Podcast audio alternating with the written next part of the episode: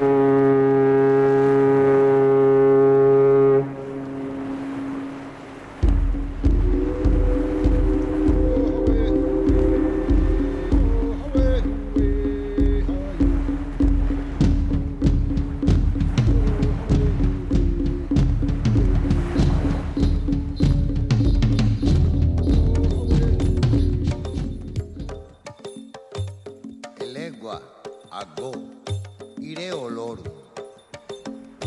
¿Qué tal estáis? Os saludamos desde Levando Anclas aquí en la sintonía de Radio Euskadi.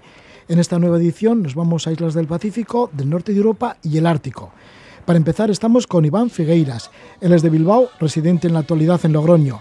Nos visita vía Santoña, en Cantabria, para hablarnos de su experiencia vital en Rapanui, en Isla de Pascua. Ha estado en dos ocasiones, en el año 2003 y también en el 2015. En la primera, Iván fue acogido por un pascuense más. Bueno, pues ya estaba muy familiarizado por la isla, tal es así que dio la vuelta al perímetro de Rapanui y luego pues se sintió muy unido a los Moais, incluso durmió en algún Moai. Nos contará enseguida la experiencia. Iván Fegueiras, que es buzo profesional y navegante. En cierta ocasión fue a verla desde Panamá a Tahití por el Océano Pacífico. Y dejaremos el Pacífico para irnos al Atlántico, al Atlántico Norte. Lo haremos con una persona que llega desde Asturias, desde Nava, para compartir con nosotros, con nuestros amigos y amigas de Levando Anclas. Es Alberto Campa, que le hemos hecho muchas entrevistas aquí en este programa, Levando Anclas, por fin nos vemos. Y Alberto pues conoce casi todos los países de la Tierra. Tiene publicado dos libros sobre un par de vueltas al mundo y en esta ocasión pues nos va a comentar cómo se ha movido por las islas del norte de Europa, como las islas Lofoten, islas escocesas y otros lugares del mar Báltico, por ejemplo, y además del archipiélago de las Svalbard en el Ártico. Tenemos mucho que contar en esta hora de Levando Anclas, así que para empezar estamos con Iván Fegueiras.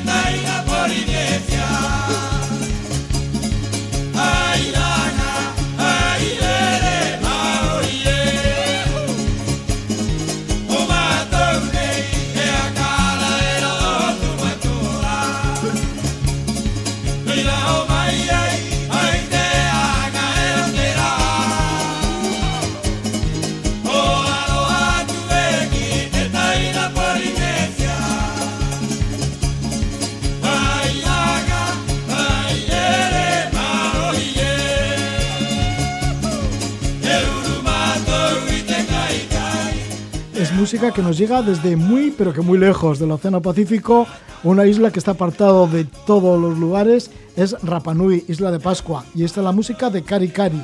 Este grupo lo conoce nuestro invitado y conoce, por supuesto, Isla de Pascua, Rapanui. Vamos a entablar conversación con Iván Fegueiras. Iván, que es buzo marino y escritor.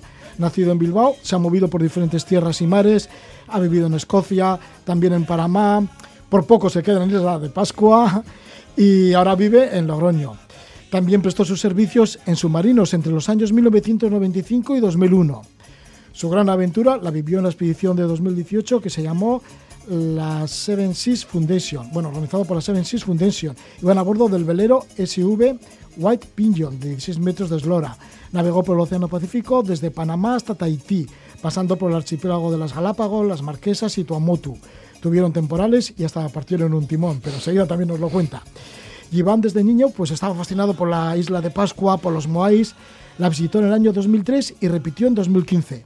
La primera vez estuvo mes y medio y estuvo ayudando en el Museo Antropológico Padre Sebastián Englert, que viene a ser el Museo de Isla de Pascua.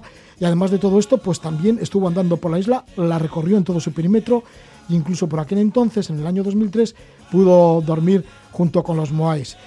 Pues hablaremos de todo ello. Ah, y decir que Iván Fegueiras es autor de libros como por ejemplo Enigmas y Misterios de la Mar, que lo ha reeditado recientemente, sobre búsquedas fantasmas, espectrales, islas evanescentes, faros encantados y demás. Y también otro libro sobre los enigmas de la isla de Pascua, la cultura Rapanui desde sus orígenes hasta su desaparición. Estamos con Iván Fegueiras. Bienvenido. Muy buenas noches, Iván. Muy buenas noches, Roge. Bueno, pues encantado de tenerte aquí.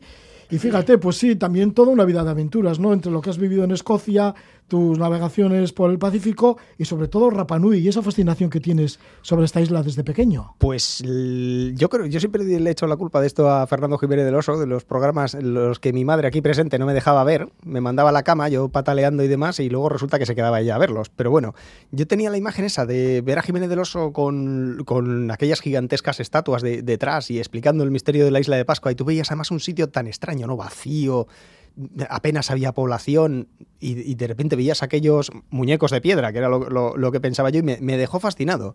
Entre eso y un par de lecturas que tuve la, suerte de, conseguir, pues una fijación así metido en, metido en la cabeza. Y la primera vez que pude, pude ir fue gracias a la sincronicidad más extraña del, más extraña del mundo, porque claro, en aquel, hace 20 años viajar a la isla de Pascua era bastante complicadico. Ahora es muy, ahora es muy sencillo, ¿no? Se, convirtió de repente en un sitio turístico y ahora es relativamente fácil llegar. Pero cuando, cuando fui yo, cuando organicé mi, mi, primer viaje, claro, tuve que hacerlo pues en plan mochila y coges un avión, llegas a un sitio, coges otro avión, llegas a otro y hasta que, y hasta que te lo montas, ¿no? Y claro, era muy caro, muy caro llegar. Y fíjate, sincronicidades de la vida, que un día estando, de hecho mi madre insistiéndome, que, diciendo que yo había, hacía un montón de años que yo no me iba de vacaciones, que a ver qué, a ver qué es eso, que todo ser humano tiene un límite, que tienes que viajar, como he hecho yo toda la vida, y no vas a dejar de desperdiciar tus años, tu juventud sin haber viajado. Dices, sí, porque tu madre aquí presente también ha sido muy viajera. ¡Bu! ¡Bu! ¡Bu! Yo tenía un ejemplo. Bueno, con, raíces cubanas, además, habaneras. Sí, sí, y ya te digo, yo tenía ese ejemplo de pequeño, de, en, el año 80, por ejemplo, ¿no? que los padres de ninguno de mis amiguitos habían movido por ningún sitio, pues mi madre estaba metida, pues yo qué sé, en, pleno golpe de Estado en Turquía, en, se iba a Venezuela, se iba a Cuba y siempre, siempre metiéndose en algún lío. Te llegaba con un brazo vendado ahí con la mitad del cuerpo hecha polvo y diciendo, ¡Joder, el viaje de mi vida! ¡Me lo he pasado de bien! Y llegaba así la pobre y decías, ¡Joder, ostras, mi madre! ¿no? Y dice todavía que se la ha pasado bien. Y siempre, al final me contagió eso. Mi padre también, que es, que es marino, pues, pues imagínate. Y, fíjate, estamos hablando, ella echándome la bronca, como diciendo, Joder, tienes que irte, te, además te tienes que ir a Isla de Pascua, que es donde has querido ir toda la vida. Y digo, ya, ¿y de dónde sacamos el, la tela para, para un viaje tan complicado? Pues de eso que casualmente, mientras estamos hablando, abrimos un cajón y salieron 6.000 euros del cajón. Claro, nos miramos el uno al otro como diciendo, ¿pero y esto? ¿Pero y este pastón qué hace aquí metido en el cajón? Nada, una hora dándole vueltas y, oye, ¿te acuerdas aquella multa que nos había puesto Hacienda por un error en la declaración de la red? Sí, pues me la quitaron, el error había sido suyo. Claro, el dinero lo habíamos ido apartando poquito a poco, porque claro, un leñazo que nos había metido Hacienda, eh, cinco mil y pico euros, pues habíamos ido apartando el dinero el año anterior y nos habíamos olvidado de él. Lo habíamos metido en el cajón y así fue, pero justo además cuando estamos hablando de lo de la isla de Pascua. Y fue, ya está, es que no puedes no ir. Y al día siguiente me planté en, en, las, en LAN Chile, en la, que resulta que la sede de, esa aerolínea estaba precisamente en Bilbao, bueno, en Bilbao, en, en Guecho. Y dices, esto es, aquí tanta sincronicidad, esto no puedo decir que no. Me fui andando a LAN Chile, que fueron no me acuerdo cuántos kilómetros desde el metro, se quedaron alucinados cuando me vieron entrar y dije, perdón, ¿que quieres un billete a dónde? Digo, sí, hombre, desde Santiago de Chile a Isla de Pascua. Helados, dice, joder, pues la primera vez en la historia que alguien nos compra un billete para ir a Isla de Pascua. Yo, ¿ah, sí? Digo, sí, pues la gente no sabe lo que se pierde. Dice, ya, ya. Y cuando me fui me decían, oye, tienes que venir aquí y enseñarle las fotos porque les dejé con los dientes largos. Y al final, efectivamente, conseguí llegar a Isla de Pascua, pero todo a base de, de sincronicidades. Por ejemplo, el, cómo conseguí, me fui a vivir a casa de una, de, una, de una familia allí, que tenían una especie como de, bueno, semi-hostal. Allí había, había uno o dos hotelitos cuando yo fui la primera vez, que ya te digo, no estaba nada preparado para el turismo, pero sí que había familias que alquilaban una o dos habitaciones, piezas, como dicen en, en Chile. Y pues en una, en una tienda, casualmente íbamos mi madre, su mejor amiga y yo andando por la calle, y pasamos al lado de una librería. Y me dice nuestra amiga, oye, tú con la suerte que tienes, entra adentro, ya verás cómo te encuentras un libro de Isla de Pascua o de Chile. Me digo, oye, pues tienes razón. Entramos a la librería, efectivamente, me encuentro una guía turística en francés de Chile e Isla de Pascua. Y digo, oye, trae para acá. La cogemos, llegamos a, casa, empiezo así a mirar. Claro, ya tenía los billetes y todo, me faltaba alojamiento. Empiezo así a mirar. Digo, ah, mira, este me ha caído bien. Hostal Baikapúa, o Baikapúa se llamaba la casa. Digo, genial, pues les voy a llamar por teléfono. Les llamo por teléfono y yo había visto en, la, en la, lo poco que había descifrado del francés en la guía turística esa, decía, no, pues 20 euros la noche, 20 dólares la noche. Y yo, oye, pues no está mal, para estar en el, ahí en el lugar más remoto del mundo y demás, pues 20 dólares la noche, en, en, España me hubieran cobrado el triple. Llamo por teléfono y, y les digo, no, pues tengo previsto tirarme de, de un mes en, en adelante. Se hace un silencio en la línea, que te vas a quedar más de un mes. Yo sí. Ah, eh, pues te cobro 10 dólares por noche. Yo, ¿perdón? Sí, hombre, si te vas a quedar más de un mes te cobro 10 dólares por noche. Creo que es la primera vez que nos pasa. Ah, vale. Y cuando llegué, vamos, me estaba recibiendo la familia con el típico, la guirnalda de flores, todo. Esa, en la primera noche me acuerdo que no dormí. Claro, estás cumpliendo el sueño de tu vida, ¿no? Sí, el sueño de tu vida y, encima como huésped de honor en Isla de Pascua. Tal cual, o sea, yo no me Porque una vez que aterrizaste, que pisaste Isla de Pascua, Casi ni te lo creería, ¿no? Ni me lo creí. Ni me, además es que bajas del avión y lo primero que haces, te encuentras un Moai en el, en el aeropuerto. O sea, yo me giro, lo miro, un Moai chiquitín, entre comillas, tres metros. Me quedo así mirándolo y diciendo, ostras, pues es verdad que estoy aquí. Y mm. según salgo fuera, ¡pum! Ya te cuelgan la guirnalda de, de flores, ya eres un pascuense de, de adopción y ala, vete para casa con la familia digamos, para allí, claro, mm, cuando vieron la forma que tenía yo de hablar con todo el mundo, se dieron cuenta, me cogieron, me separaron de los turistas y me pusieron en la casa con la familia. Así, tal cual. Dices, pues una, una, maravilla. O sea que ya eres uno más de, de la isla de Rapa Nui. Desde el primer día. Un día hicieron una, mientras estaba allí, hicieron una, una celebración familiar. Yo, claro, más o menos me quité de medio para no estorbar. Uy, cuando apareció luego la, la abuela, la, que además era la, la matriarca, la, la gerifalta de todo. ¿Dónde estabas metido si te hemos dejado todo esto preparado y tal? Y yo como, ostras, es que me había quitado en medio. ¿Cómo te habías quitado en medio? Si te habíamos puesto aquí tu plato y tal. anda. Literalmente me habían adoptado, claro.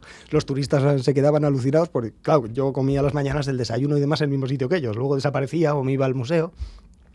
Y, y claro, cuando veían, digo, anda, uy, pues hoy no me han puesto el tenedor, típico turista británico, o el cuchillo, típico turista británico súper estirado. Decía yo, ah, que no tienes cuchillo. Cogía, me levantaba, me iba a la cocina, abría el cajón, cogía el cuchillo, me volvía, volvía a cerrar el cajón, volvía y decía, toma. Y se quedaban así como, te has metido en la cocina de la familia a coger un cuchillo. Digo, hombre, donde suele haber cuchillos más que en la cocina, ¿no?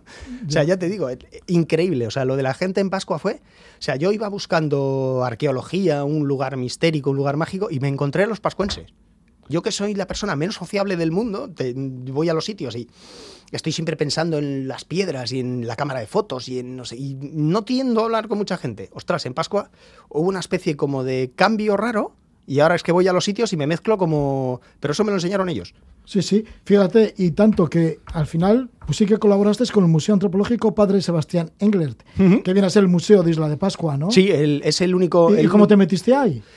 De la forma también más absurda del mundo. O sea, mm, yo conocía el museo, claro, porque era un fanático del tema, entonces cualquier documentación que hubiera, en, castellano no había prácticamente nada, pero vamos, mm, entre la web de ellos, que, que era bastante buena, daba mucha información, y otros libros en los que siempre se hace mención a, ese museo, pues ya más o menos sabía dónde estaba. Localicé una, una dirección de correo electrónico y les dije, oye, es que voy a pasar una temporada relativamente larga en la isla, digo, si necesitáis que os eche una mano en algo, pues no hace falta que lo digáis. Me dicen, ¿a qué te dedicas?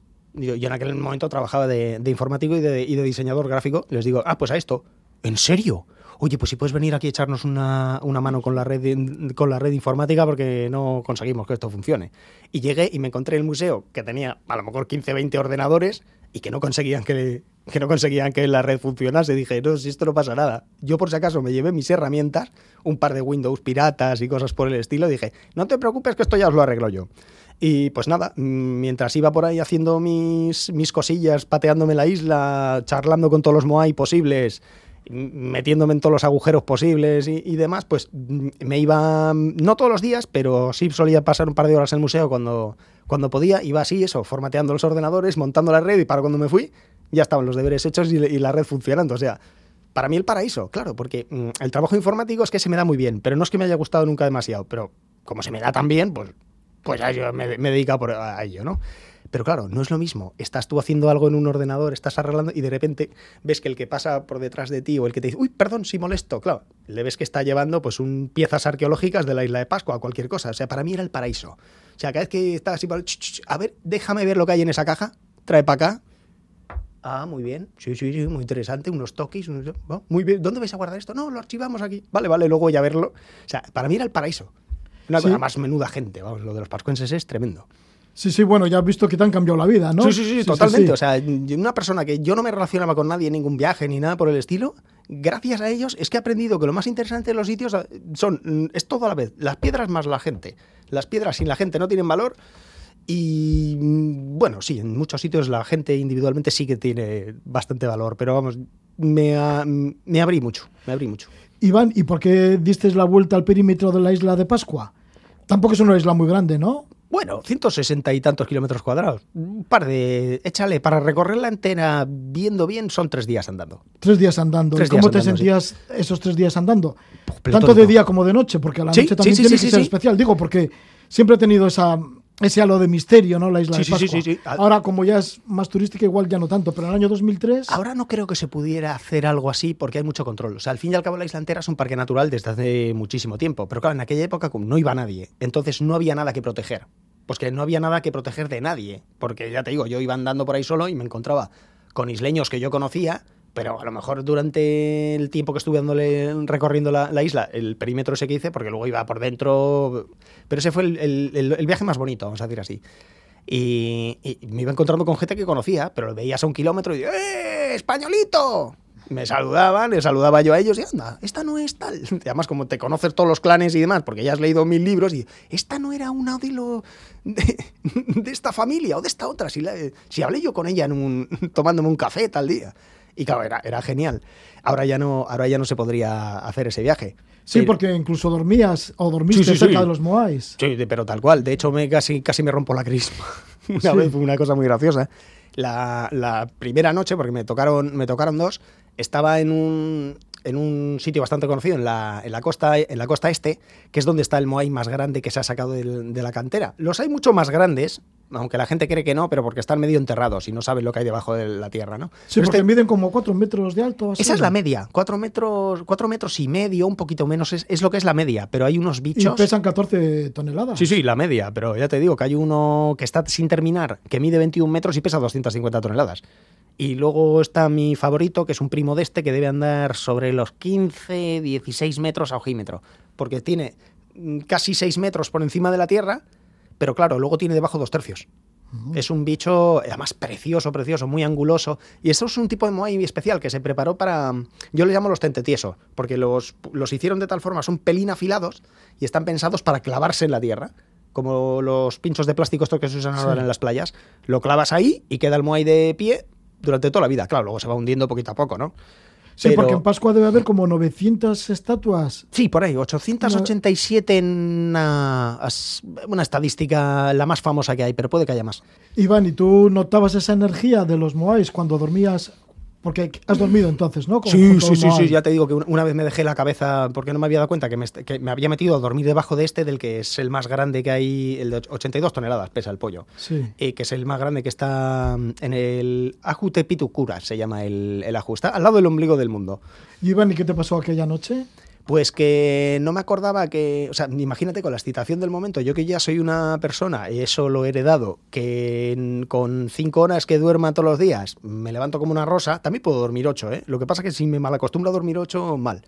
Pero claro, normalmente duermes muy poco, pero ya estás en un haciendo un recorrido como ese. Yo que encima tengo la tengo la desgracia de no poder ver de día, pero tengo la ventaja de que veo de noche perfectamente, donde el resto de personas no ven, tanto mi padre como yo vemos. O sea, yo voy a pasear por el bosque de noche sin linterna y no necesito linterna ni, ni nada, ¿no? Es una cosa que, que siempre he disfrutado. Entonces, claro, imagínate, estás en la isla de Pascua, no hay absolutamente ninguna contaminación lumínica, porque solo hay un pueblo y está al otro lado de la isla. Eh, o sea, vas guiándote con las luces, la de la Vía Láctea. Es que te vas guiando con la Vía Láctea. Entonces Y dices, además en una isla que está distante de todo de territorio, todo ¿no? territorio, claro, es que no pasa un avión, no pasa un barco, no pasa nada. Y dices, ¿y voy a perder el tiempo durmiendo? Entonces, claro, me puse a dormir, mm, a intentarlo, vamos, debajo de, de este de este Moai, Paro se- sería su, su nombre de pila. Y claro, se me olvidó que yo estaba durmiendo debajo del Moai, entonces dices, "Bah, ¿qué voy a dormir? Voy a caminar un poquito más. Me levanto, ¡boom! Pero así, me, de eso que medio pierdes el conocimiento, dices, uh, salgo debajo del Moray con un mareo medio sagrado por la frente, dices, pero qué galleta que me, pero ¿cómo puedes ser tan tonto de estar debajo de un bicho de 82 toneladas y olvidarte de que estabas debajo del Moai? Pues es lo que me ocurrió. Estaba tumbado debajo y me levanté de golpe como diciendo, ah, voy a caminar un poco más. ¡Bumba! Seco. Bueno, pues ahí está el Moai. De todas formas, esto ya no se vuelve a repetir, ¿no? Y además no es bueno que se vuelva a repetir, que mm. la gente sobre todo foránea, vaya a dormir a, tal, tal cual. O sea, yo prefiero perder esa. todavía cuando llegan tantos turistas ahora a Pascua. Totalmente. Ha habido además cada dos años después de que estuviera yo, cuando todavía no era la, isla, no estaba entre comillas abierta al turismo, había todavía muy, muy poquitos vuelos. Eh, salió una noticia a nivel mundial que un turista de la Unión Europea, creo que era italiano, pues para hacer la gracieta cogió uno de los moais y le, y le rompió una oreja. Pero claro, ostras, una oreja a un bicho de cuatro metros, imaginaos. ¿Cómo podía ser la oreja? La oreja tenía un metro y medio o una cosa por el estilo. Pero ¿qué hay que hacer para romper una, Además, los moais son, están hechos de, toba volcánica, que es una piedra que cuando la sacas de la roca madre es relativamente blanda y fácil de trabajar.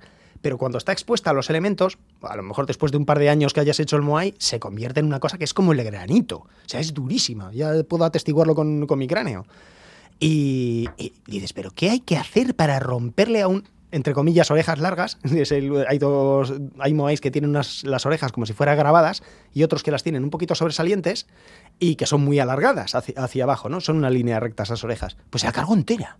dices, pero es que eso hay que hacerlo, o sea, con martillo, cincel y tomarte un par de horas para poder hacer eso. Bueno, pues cuidado con los turistas que se acercan. Cuidado con los turistas, que son más peligrosos que una caja bombas. Porque claro, tú fuiste en el 2003 y repetiste en el 2015. Sí. ¿Cómo fue esa evolución en el tiempo de la isla? Pues isla de Pascua de Rapanui. Tremendo, o sea, yo aluciné. O sea, yo le pongo a todo el mundo el, ejemplo de los vehículos, porque es una cosa que llamaba la atención. En, Isla de Pascua, la primera vez que estuve, había muy poquitos vehículos, muy pocos, y eran de dos tipos. O era gente que tenía pickups muy pequeños, todos Toyotas, porque son los pickups más pequeñajos que había en aquella época, más baratos, más baratos de llevar, o bien tenía todo el mundo el Suzuki Santana, de, el de toda la vida, el Samurai y claro, ¿por qué? Pues porque era el todoterreno más pequeño del mundo. además, el Samurai era un vehículo más o menos eficiente, muy ligero y, sobre todo, muy barato de llegar. El problema en Isla de Pascua no es comprar el coche, era pagar el porte para que te llevaran el coche hasta la isla por avión. Entonces, solamente podía ir el Samurai y el otro pickup ese chiquitín, que era lo único que cabía en el avión. Imagínate, cuando llego yo en 2015, yo que soy muy aficionado a los coches americanos, lo primero que hago es ver mi pickup favorito, el Dodge Ram pero claro, el Dodge Ram pesa 3.000 y pico kilos. O sea, es un monstruo enorme que para subirte la gente bajita necesita prácticamente una escalera. Bueno, de hecho, se tiene que agarrar al volante y hacer fuerza para subir para arriba. Y veo al lado un Ford F-150 que pesa también 3.000 y pico kilos y empiezo a mirar a todas partes y veo que todo el mundo tenías los super pickups estos americanos, pero los modelos grandes y los de lujo. Y dices, ¿qué ha pasado aquí? Pero si antes no podía traer la gente más que un samurái porque no podían permitirse el viaje y ahora la gente se gasta los 70.000 dólares que vale un RAM más el porte, que a lo mejor les costaba 100.000 euros poner el vehículo en la isla, dices, ¿y cómo ha sido ese cambio económico? Pues por el turismo, pero así, en apenas 13 años se cambió todo, claro. Yo me alegro un montón por los pascuenses. ¿Se ha perdido la magia de la isla? Por completo, por completo, pero mm, hombre, si los pascuenses salen ganando y ellos lo deciden, bienvenido sea. Estamos con Iván Fegueiras en este programa, en Levando Anclas, y nos está hablando de sus estancias en la isla de Pascua, en Rapanui, tanto en el año 2003 como también como notó la evolución cuando regresó en el año 2015. Iván Fegueiras, que es autor del libro Los enigmas de la isla de Pascua, la cultura Rapanui desde sus orígenes hasta su desaparición. Y no solo ha estado en el Pacífico en Isla de Pascua, en Rapanui, Iván Figueiras, sino que también ha navegado. Y ha navegado en un velero desde Panamá hasta Tahití. ¿Cómo fue en esta ocasión? ¿Cómo fue esta navegación? Alucinante. O sea, ya te digo que nos pasó de todo, pero claro, teniendo en cuenta la panda de locos que íbamos en el barco, si no pasaba nada nos podíamos morir del aburrimiento. Entonces nosotros somos los que del tipo de personas que estamos más entretenidos, más a gusto en un huracán, con el timón roto, por lo menos estamos haciendo así algo, y pasándolo bien, aunque parezca increíble. de, de Bilbao, ¿no? Sí, Bilbao es mío. Bueno, ya, pero digo que los navegantes. Tal cual, sí. Sí, Porque. Y además todos, ¿eh? O sea, los que te digo que estábamos. Porque de toda la tripulación había tres que estaban un poco así acarallados, que diría mi padre. pero el, el, resto estábamos excitados y como si estuviéramos viviendo el día de nuestra... Ya sé que es una locura, ¿eh? o sea, plantearte que estás en mitad del Pacífico, en pleno, en el borde de un huracán, con el timón roto, dando bandazos de un lado para otro, y todavía decir ser consciente mientras lo estás viviendo, que estás viviendo la experiencia de tu vida, en lugar de estar ahí agarrado al mástil temblando, pensando que vas a morir dentro de un minuto, la verdad es que un poquito raro sí que, sí que somos. Sí, y tanto, porque es la experiencia de tu vida, pero igual tu vida dura un poquito. Igual me dura cinco minutos más, ¿no? Pero ¿sabes lo que pasa? Que cuando vas con una tripulación en la que confías y además el, el, el barco, el Whippy, es muy bueno, o sea, muy, muy bueno. Ya tiene unos cuantos años, pero hay barcos, es lo, Amel, cuando hace velero, o sea, son barcos que pueden tener 30 años, pero sí han sido súper cotizados, porque el barco está igual que el primer día. O sea, son barcos que están muy bien diseñados, muy bien hechos, y sobre todo, mm, cuando confías en la tripulación y en el capitán, porque el, Marcos, que por cierto, lo tuviste aquí en el programa dos de mis compañeros, a Marcos, al capitán y a, Ander, hace unos años, poco antes, del, poco antes del viaje. Yo no pude venir. Sí. Y, porque era la Seven Seas Foundation, ¿no? Sí. Y el barco es el SV White Pigeon. Sí, el White Pigeon. Pero bueno, el Whippy, como le llamamos nosotros. Y ya te digo, cuando tienes un capitán como Marcos, mmm, es que confías, eh, confías al extremo. O sea, sabes que Marcos sabe cómo solucionar cualquier situación en la que nos metemos. ¿Cómo salvasteis esa situación? Pues... Eh, cuando estabais ahí en un huracán. Sí, pues lo, lo que bueno, pasó... un huracán o qué sería? Sí, sí, sí, era el borde de un huracán. Sí, ¿El borde de un huracán? Sí, sí, tuvimos, tuvimos vientos que llegaron a los 50, a los 50 ¿Entre las Galápagos y Marquesas? Entre las Galápagos y Marquesas, justo, sí. O sea, que estabais ahí... Y además de noche. Sí, sí, de noche y de Galápagos a Marquesas hay mucho, mucho recorrido, Sí, sí, eran ¿eh? cinco, cinco semanas tardamos nosotros hay gente que tarda siete o ocho semanas. Lo que pasa que nosotros. Que es más que cruzar el Océano Atlántico, ¿no? Sí, sí, sí, sí. De hecho, es más largo el cruce de, eh, de Marquesas, perdón, de, de, Galápagos. a Marquesas es más, más largo. Normalmente se tarda una semana o dos más como mínimo que el, que el Atlántico, sí. ¿Y, qué sucedió entonces? Pues que, que empezó a levantarse el, el, rapidísimo, vamos, porque yo creo que nos metimos de lleno en el, en el tinglado. Y empezó a ponerse muy mal el mar, muy mal el mar, el timón empezó a no responder demasiado bien. ¿Y qué pasó? Que de luchar contra las olas partimos el cable del, del timón. Entonces lo que hubo que hacer, Marcos se fue corriendo sin que nosotros nos diéramos cuenta a trimar las velas Claro, nosotros con miedo de que el barco se atravesara la mar, porque si no tienes gobierno, automáticamente el barco se atraviesa la mar, el mar se te viene encima y te vas a la porra. Es lo, es lo malo que tiene la mar, que tiende la, tiene la costumbre de desviar el barco en la peor orientación posible. ¿Te vas a la porra qué significa? Pues que te vas al fondo, vamos. o te quedas sin barco. bueno, digo que vuelca el barco, pero no sé si... Te puede pasar de todo, de volcarte el barco, que te venga una ola y te arrase, te rompa las velas, es que te puede pasar cualquier cosa diferente, ¿no? Y cuando nos damos cuenta, de repente, vemos que el barco está como dócil, que se Coño, si el barco no se atraviesa la mar. Es más, está empezando a mirar a la mar. Qué raro. Había cogido Marcos, había ido sin que nosotros nos diéramos cuenta, se había ido en un minuto, había trimado las, las, velas de tal manera que el barco, en lugar de utilizar la tendencia natural, que es atravesarse a la mar, que es lo que te puede costar la vida, pues el barco estaba así, sonriente, mirando al, mirando al viento. Y nos dijo Marcos, venga, chicos, organicémonos. ¿Quién sabe, eh, quién controla, quién maneja timón de caña? Levanto yo la mano y digo, yo. Se queda mirando a todas partes, no había ni un solo voluntario más. Me dice, ala, tú, a patronear, vamos a montar el timón de emergencia. Y digo yo, ¿qué timón de emergencia? Y dije, pues el timón de emergencia. Digo, ah, no me digas que tenemos timón de emergencia. Digo, ah, pues incluso puede que salgamos vivos de esto y todo. Me dice, pues sí, ese es mi plan, o algo así, dijo. Típica conversación súper irónica que, hay entre esa tripulación, ¿no? Se fueron él y Ander, los dos abajo, y yo me quedé al timón arriba, otras dos compañeras estaban cantándome los rumbos y demás por donde venía el viento, a donde tenía yo que íbamos haciendo eses, y de vez en cuando había que soltar el barco, dejar de gobernarlo, para que ellos montaran el, el, pudieran montar el timón real. Porque el de emergencia se monta muy rápido, claro. Sueltas todo y pones un palito. Y ese es el palito con el que estaba yo manejando. Pero eh, luego tienes que reparar el timón y volver a encajarlo mientras que el capullo que está arriba, que en ese caso era yo, está tirando de caña y gobernando el barco. Claro, tú cuando estás gobernando un barco no te gusta que ningún gracioso te diga quita las manos del volante, entre comillas, y dice, oye, che, majete, que si quito las manos de aquí 10 segundos nos vamos al fondo. Ya, pero yo tengo que meter ahí la mano, encajar el timón y no quiero que me la cortes.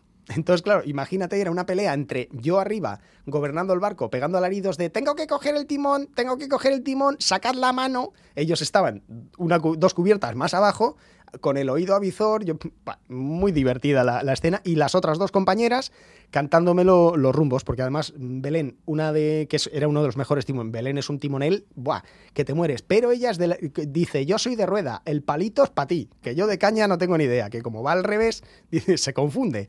Entonces, claro, me tuve que tirar yo, no me acuerdo cuántas horas, cayéndonos toda la tormenta encima, que decía todo el mundo que parecía Moisés, con mi pelo larguísimo de color gris, la barba y demás, era la broma de que han puesto a Gandalf el gris al timón o a Moisés. O sea, con el diluvio universal. Estuve cinco semanas hasta que, hasta que no me acuerdo cuánto tiempo nos faltaba para llegar a la costa aguantando las bromas con lo de que se ponga Moisés al timón, que entras de guardia ahora, ¿eh, Moisés? bueno, suerte que llegasteis a las Marquesas finalmente. Sí, sí, pero estando con Marcos llegamos, hombre, y con Ander. Y luego más, porque llegasteis a las Tomotu, hasta Tahití. Estas son algunas de las experiencias que nos está contando nuestro invitado, Iván Fegueiras, que tiene dos libros, bueno, tienes más libros, pero dos que hemos remarcado aquí. Uno de ellos es Los enigmas de la isla de Pascua y el último, que se acaba de editar, es Enigmas y misterios de la mar, sobre buques fantasmas, sobre faros encantados, sobre submarinos perdidos. Bueno, para esto también tendríamos toda una, larguísima entrevista. Ya lo hicimos un rato también en el otro programa que tenemos en la Casa de la Palabra. Pues muchísimas gracias por estar con nosotros, Iván Fegueiras, y que vaya todo bien, que tengas buen rumbo. Gracias a ti, Roge.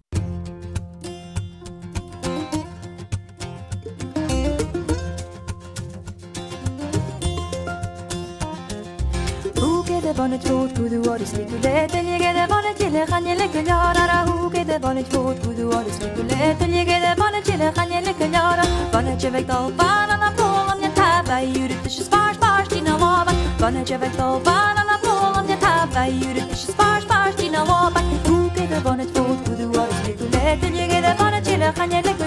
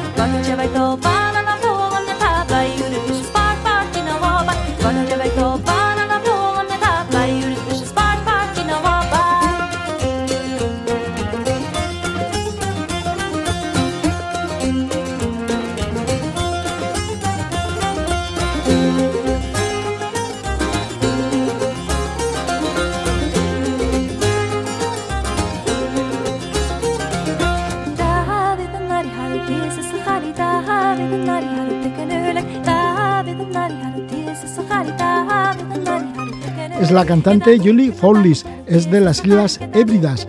Dejamos ya Rapa Nui, la isla de Pascua en el Pacífico, y nos vamos a las islas del Atlántico Norte. Nos situamos en Europa, en el norte de Europa, y vamos a recorrer algunas de las islas de, de nuestro continente.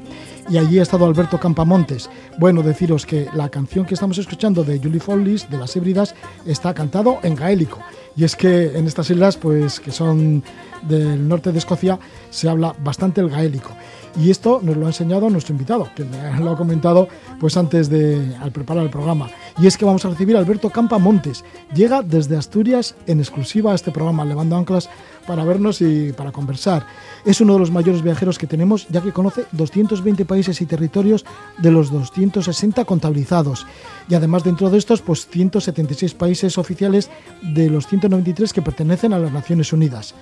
Antes tenía como hábito trabajar en verano y viajar en invierno, pero ahora ha extendido el tiempo viajero y parece ser que hay jamás meses de los que antes, bueno, pues se limitaba a, a, al invierno, ¿no? Y es autor de dos libros. Uno de ellos, uno de ellos es La Vuelta al Mundo bajo cero. Se desplazó por el hemisferio norte en invierno con temperaturas de hasta 34 bajo, grados bajo cero y lo recoge en este libro, La Vuelta al Mundo bajo cero. Pero más recientemente tiene otro libro que casi es el contraste, ¿no? La Vuelta al Mundo por las islas del Pacífico, por lugares mucho más cálidos en el cual pues visita una veintena de países desde Taiwán a Brasil, pasando por muchas islas del Océano Pacífico como Papúa Nueva Guinea, como Australia, Nueva Zelanda, Micronesia, Samoa, Tonga, Tuvalu e Islas Cook. Y Alberto Campa, pues en los últimos meses ha cambiado el Océano Pacífico por las islas del norte de Europa y también del Ártico. Así que le damos la bienvenida a Alberto Campa Montes. Muy buenas Hola, noches, Alberto. Buenas noches, Roge, ¿qué tal? Bueno, pues encantado de tenerte aquí. Además de manera presente. Te agradecemos mucho de que llegues desde Asturias. Sí, pues la verdad es que sí, siempre un placer venir aquí a, vuestra tierra y bueno, pues pasaremos un par de días por aquí, por Bilbao. Pues encantado, porque tú naciste en Nava, en la Villa de la Sidra, en Asturias, y tantos y tantos programas hemos hecho, tantas entrevistas te hemos hecho, ya que viajas muchísimo. Bueno, todo lo que se puede, ¿eh? unas veces más, otras menos. Yo siempre digo que, que, a todos los que nos gusta viajar, después dependemos también, bueno, pues de, de las circunstancias, ¿no? Las circunstancias personales que a veces pues te hacen que puedas viajar mucho tiempo durante menos viajes o más viajes durante menos tiempo, que es mi caso ahora, porque bueno, pues también ahí pues eh, cuidando un poco de, los padres, pues hace que los viajes ahora sean más cortitos, pero bueno, intentas hacer más y poder seguir conociendo mundo y mundo que bueno, como tú sabes es infinito, no acabaremos nunca. Sí, pero ahora ya no solo te limitas al invierno, ¿no? Sí, ahora ya también intento viajar en otras épocas, pues a lo mejor periodos de 15 días, de 8, pues a destinos ya un poquito más exclusivos y sobre todo, como en el programa de hoy que vamos a ver, pues muchos sitios de Europa donde, bueno, pues donde no había estado, que sí repetí muchos de, los países europeos, pero algunos sitios como estas islas, sobre todo del norte, bueno, pues son algo que normalmente pues se deja eh, un poquito ahí de, lado y la verdad es que muy, muy interesantes, lo iremos viendo en el programa, ya verás. Alberto, ¿y tienes como objetivo alcanzar los 176 países oficiales de... Bueno, que ya tienes 176 países y son oficiales 193 de las Naciones Unidas. ¿Tienes como objetivo completarlos? Bueno, me imagino que si la vida todavía da unos cuantos años más, por supuesto, que, siempre es un placer pues visitar todo lo que se pueda y, lógicamente ya quedan muy poquitos. Pero siempre me, gustó muchísimo más viajar pues por las regiones o incluso, pues como decíamos al principio, ¿no? Por esos países que a lo mejor no son naciones oficiales, pero que son muy interesantes, ¿no? Y, en este caso, bueno, pues veremos también en el programa, pues a lo mejor las Svalbard o también puedes otros viendo otros territorios como Nagorno-Karabaj, como Kosovo, como Taiwán, ¿eh? que también sale en ese libro y que realmente, aunque no, tienen, no tengan el estatus de, naciones, pues son lógicamente territorios o países que también son muy interesantes y que, bueno, pues siempre tratas también de ver y de conocer. Y las regiones, sobre todo, es porque dentro de cada nación hay muchísimos eh, sitios y muchísimos lugares muy diferentes, ¿no? No tiene nada que ver Euskadi con Canarias o a lo mejor Alsacia con, la Toscana, por ejemplo, ¿no? Son regiones totalmente diferentes y, bueno, pues eh, también es eh, un placer ir y ver y conocer pues a la gente de allí, cómo vive y, bueno, pues aprender, que es un poco para lo que se viaja, ¿no? En busca de esos lugares tan singulares, por eso te has animado a conocer estas islas del norte de Europa, incluso llegando a las Svalbard en el Ártico. Pues sí, sí, precisamente, y de hecho, bueno, pues son muchos de esos territorios como, como esas Svalbard, que aunque estén pues bajo esa soberanía eh, noruega, bueno, pues se da el hecho de que haya ciudades rusas, como por ejemplo hablaremos de una que se llama Barentsburg, donde hay pues muchos mineros rusos y ucranianos. Imagínate lo que se da en esas islas hoy en día por la geopolítica y lo que está pasando, en la que, bueno, pues eh, son unas islas bajo soberanía de un país de la OTAN, donde trabajan rusos y ucranianos y todos tienen que convivir. Ojalá así fuese en, el resto de Europa y siempre se pudiese llegar un poco pues a esa, a esa paz, ¿no? En busca de estas islas has hecho recientemente tres viajes. El primero de ellos te llevó a las Feroe y a las islas del Báltico. ¿Qué has encontrado en Feroe que pertenecen a Dinamarca? Pues mira, en Feroe he encontrado pues un país de esos que decimos, ¿no? También están bajo esa soberanía danesa, como también le pasa a Groenlandia, pero bueno, prácticamente son una entidad eh, que se rige autonómicamente eh, prácticamente total, ¿no? Porque bueno, pues las Feroe tienen su propia bandera, tienen su territorio, tienen también su lengua, que si ya el danés es complicado, el feroe es todavía más, ¿no? Y la verdad es que, bueno, pues es uno de esos sitios que, a veces es dificultoso de llegar por los pocos aviones que hay y también a veces por los precios, pero aprovechando esa época de COVID, eh, igual que todos eh, el resto, eh, a veces encontrabas verdaderos chollos, por ejemplo, ahí pues viajé a, Copenhague por solo 12 euros y a partir de ahí de Copenhague, que también estuve visitando las islas que están al sur, a Mager y alguna población como Dragor, pues ya volé pues a la isla principal de las Feroe y desde ahí, bueno, pues comencé un viaje para ir conociendo, bueno, pues eh, si no me equivoco fueron cinco de las 17 islas que componen el, país. ¿Cómo te mueves por las Islas Feroe, de isla en isla, de las cinco que has conocido? pues yo creo que casi usando casi todos los medios de transporte, ¿no? Después de llegar en avión a la isla principal, que es eh, Vagar, pues prácticamente, bueno, pues eh, caminando y haciendo autostop, que es, bueno, pues muchas veces en las islas un método de transporte fácil y, normalmente la gente te coge, te coge rápido y tienes posibilidades de, de hablar con muchos locales, pero después también, bueno, pues hay líneas de, autobuses que, bueno, tienen también la característica de que muchas veces incluso, bueno, pues de isla a isla tienen túneles eh, subacuáticos en los cuales incluso tienes rotondas debajo del mar para cruzar de una isla a otra. Y como otro medio de transporte que no estamos muy habituados a utilizar y que ahí hay que aprovechar porque es muy económico, si alguien va, es el helicóptero. Precisamente esas circunstancias, eh, ese tiempo tan adverso que hay en, estas islas del Atlántico Norte, hace que muchas veces la navegación marítima sea dificultosa y a veces ante cualquier cosa hay una línea de, helicóptero que va uniendo varias de las islas y que te permite pues volar pues por unos 20, 25 euros entre una isla y otra porque bueno pues están subvencionadas por, por el gobierno feroés y precisamente pues hace que sea así de barato. Tiene su pega y es que normalmente para que los turistas o la gente que viaja no abuse de ello, normalmente solo se permite hacer uno de los trayectos, no se permite hacer ida y vuelta precisamente para eso, para, para evitar que se, que se llenen los helicópteros que lógicamente tienen muy poca capacidad.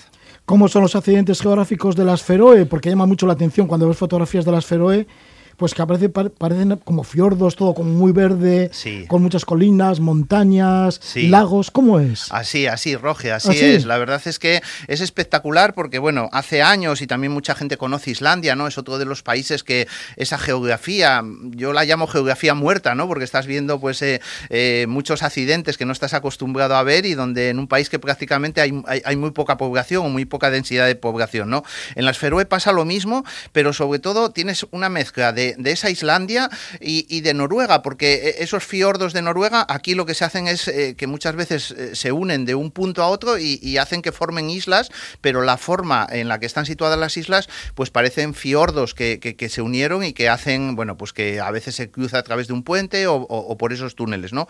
Pero como bien dices, hay accidentes como por ejemplo un lago, un lago muy bonito que está cerca del aeropuerto de Sotbagur, en, en esa isla de Vagar, y donde ese lago pues acaba va desembocando directamente en una cascada que vierte todo el agua al Océano Atlántico. Entonces es algo espectacular.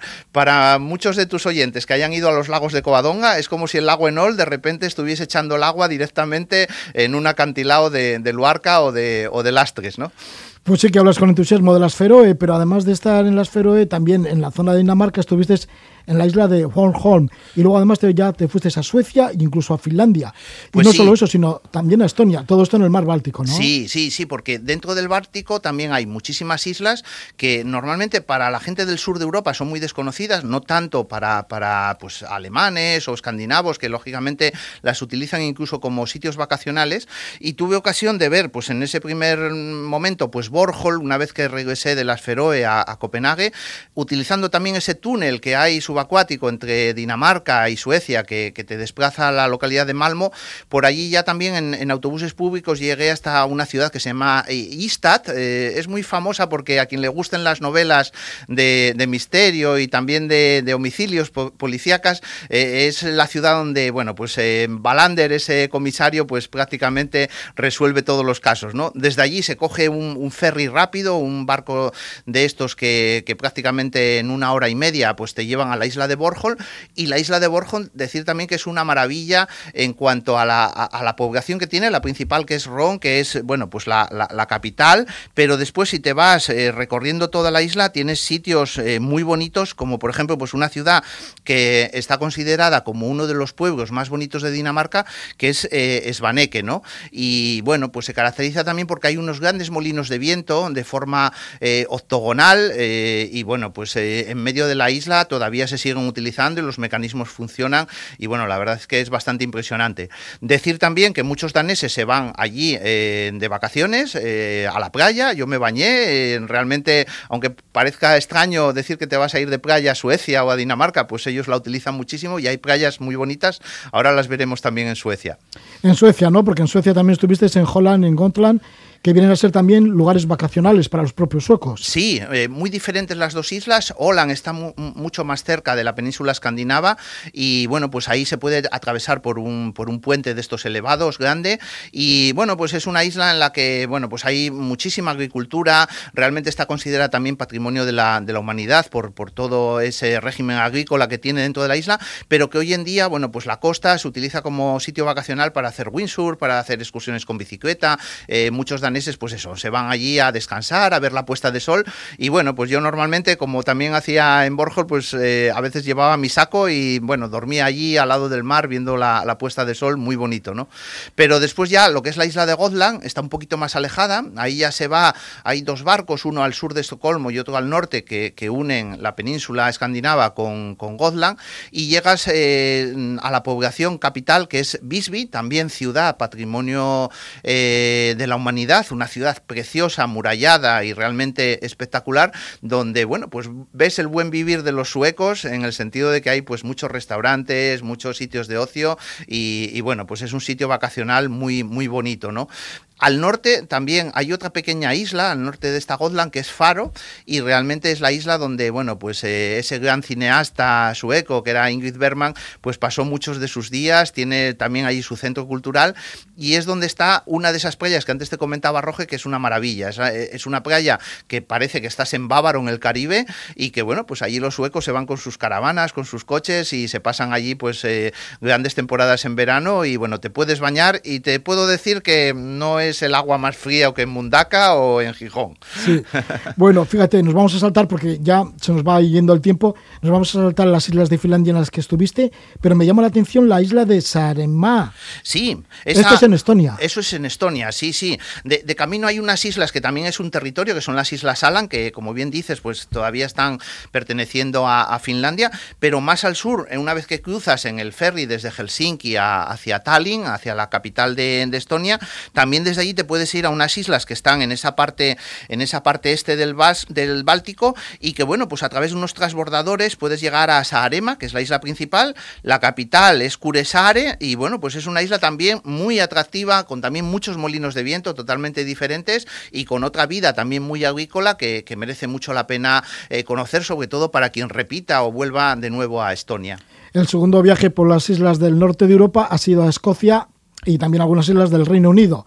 Y así has estado en las Orcadas, en las Setland, en las Hébridas y otras más. Sí, bueno, eh, esas son otras de las olvidadas porque normalmente la mayoría de la gente eh, conoce el Reino Unido, empezando a lo mejor pues por Londres o el país de Gales. Eh, muchas veces, bueno, pues se viaja también a Escocia, a Edimburgo, como, como hice yo, aprovechando también otro vuelo por, por 8 euros en esta época de pandemia, baratísimo. Y desde ahí, bueno, pues puedes eh, coger un barco mm, después de pasar las poblaciones de Dundee, eh, donde está precisamente el barco de, otro gran aventurero, de Scott, ¿no? Que también llegó ahí a la, a la Antártida, aunque tuvo un, un mal regreso. Y después otra localidad desde donde salen los barcos eh, que se van bueno pues a, toda esta zona de las Orcadas y de la Shetland que, que bueno pues que tenemos ahí en, el, en, la, en, la, parte norte y desde donde yo pude eh, pues ir eh, navegando eh, hacia las Orcadas en primer lugar y después eh, hacia las hacia la Shetland desde el puerto de Aberdeen conservan las tradiciones, conservan el idioma, el gaélico. Pues eh, no tanto en estas, pero sí en las que están en la parte, en la parte oeste de, Escocia, que son las ébgidas exteriores. Es decir, hay, hay, dos, una que es muy conocida, que es la isla de Skype, que son las ébgidas que están más cerca de, de, de la Bretaña, de la Bretaña escocesa, pero después eh, en estas otras, en las ébgidas exteriores, pues la verdad es que sí, ahí se conserva el gaélico, de hecho eh, compite mucho con el inglés, salvo en las zonas turísticas, pues prácticamente todo el mundo habla esa, esa lengua celta, que es el, gaélico. Y bueno, decir también, al igual que en, la zona de las Orcadas y también en la zona de la Shetland, que podemos encontrarnos monumentos megalíticos de, de hace 4, 5, incluso hasta 7.000 años, muchísimo más antiguos que, las pirámides de, Egipto y también mucho más antiguo que ese Stonehenge cerca de, de Londres, de Bath, que, que, tanto se visita. Pero bueno, por la cercanía eh, con Londres, porque esto es bastante más antiguo y la verdad es que es impresionante ver esos menires eh, formando esos círculos de pie en, en, todas estas islas. Las Hébridas, las Setland, las Orcadas, ¿vienen a ser el paisaje como una prolongación de Escocia? Sí, sí, en realidad son una prolongación de Escocia, lo que pasa que al meterse en ese mar del norte, pues llega un momento que, que, que ya no sabes si estás en Islandia o en las Feroe mm. o en las Shetland o en los fiordos no, noruegos, ¿no? Realmente están ahí equidistantes, eh, formando ese triángulo escocés, noruego, islandés, islandés y bueno, cada una eh, es muy diferente a las otras, pero bueno, la verdad es que yo recomiendo que por lo menos las orcadas que están muy cerquita de la costa y que hay forma de ir en otro barco desde Strones, que es la, la, parte, la parte sur de esas islas, merece mucho la pena y sobre todo la gente se va a sorprender muchísimo con esos monumentos eh, prehistóricos y megalíticos que hay en esa zona. Estamos con Alberto Campa, que llega desde Asturias para estar con nosotros aquí en Levando Anclas. Nos está hablando de tres viajes que ha realizado por el norte de Europa en busca de estas islas. Las primeras fueron las Islas Feroe, que pertenecen a Dinamarca, también las islas del Báltico, ahora nos está hablando de las islas de Escocia, pero también el tercer viaje fue hacia el Ártico, fíjate, a estas latitudes, a Svalbard, ¿no? Y bueno, y también has, estado en Lofoten, en Noruega, pues sí, eh, en este último, que, que, fue este mes pasado, tuve la oportunidad, bueno, pues de volar también eh, hacia, primero hacia Tronso, que, bueno, pues es una localidad, quizá la capital ártica, como la denominan los noruegos, está como 400 kilómetros más al norte del círculo polar ártico, y bueno, pues aunque ya había estado en Noruega también, pues haciendo y conociendo los fiordos desde Bergen hasta Trondheim, pues aquí tuve oportunidad de, subirme a ese emblemático barco noruego que es el Urtiguten, que continuamente lleva haciendo esa ruta entre Bergen y Kirkenes en, la zona de, Cabo Norte mm, que pues tiene un barco de ida y otro de vuelta que puedes coger y bueno, pues si no utilizas camarote como yo, dormir en cubierta es bastante económico y, bueno, tuve oportunidad de conocer las Islas Vesteralen y también las Lofoten, aunque bueno, las Lofoten con muchísimo mal tiempo que hizo que la navegación fuese un poco complicada ya, ya, ya en las Islas Svalbard has estado en esta ciudad, ¿no? Que es Baresburg, que hablan allí ruso.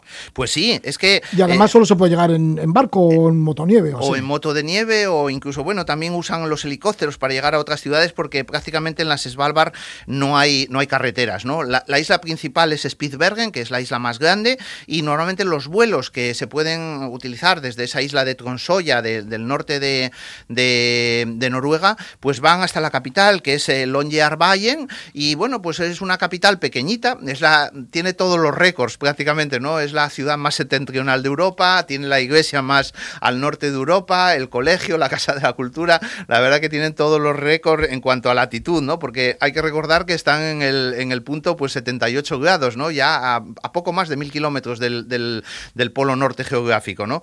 Y desde allí, pues sí, eh, prácticamente tienes que ir o bien armado con una licencia que, que te tiene que otorgar pues el, el gobierno local, o si no con alguien que pueda ir armado, o si no, pues en, barco es la mejor forma a través de los fiordos de llegar a ciudades como estas dos que, son rusas, Barentsburg o Pirámiden, pero Barentsburg eh, sigue operativa y de hecho esa minería, esa difícil minería en, esa parte norte de, de, Europa, del mundo, pues eh, todavía sigue, sigue en vigor, mm, tienen también, bueno, pues hoteles, oficina de correos, realmente, bueno, pues es una ciudad rusa en el Ártico y así sigue de, operativa en, esa, en ese lado del mundo. Pues nos quedamos aquí en Baresburg, esta ciudad rusa en el Ártico, en el archipiélago de Svalbard, hasta donde ha llegado nuestro invitado, Alberto Campamontes, que ha tenido la gran gentileza de acercarse desde Asturias para compartir con nosotros aquí en Levando Anglas, lo que le agradecemos muchísimo. Después de tantas entrevistas durante tantos años, por fin le tenemos con nosotros aquí, así que muy agradecido y que vaya todo muy bien.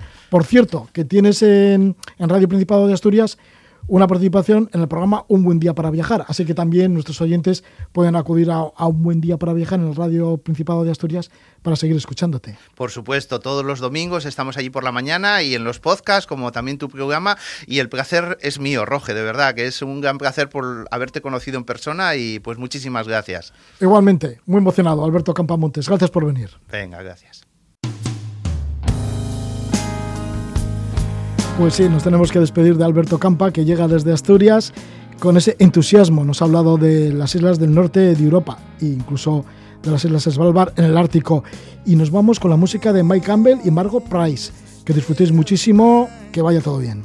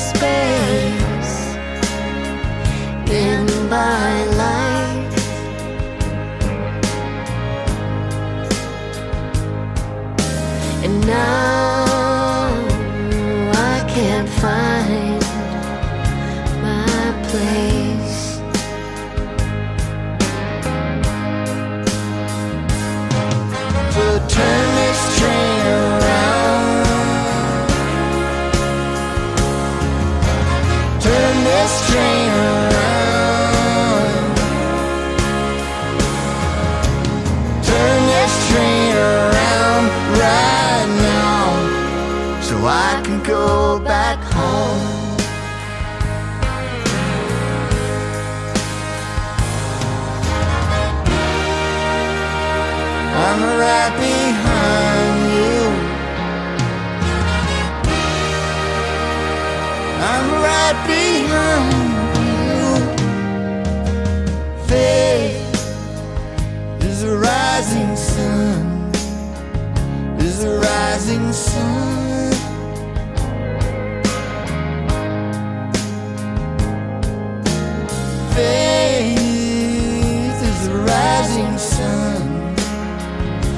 the rising sun.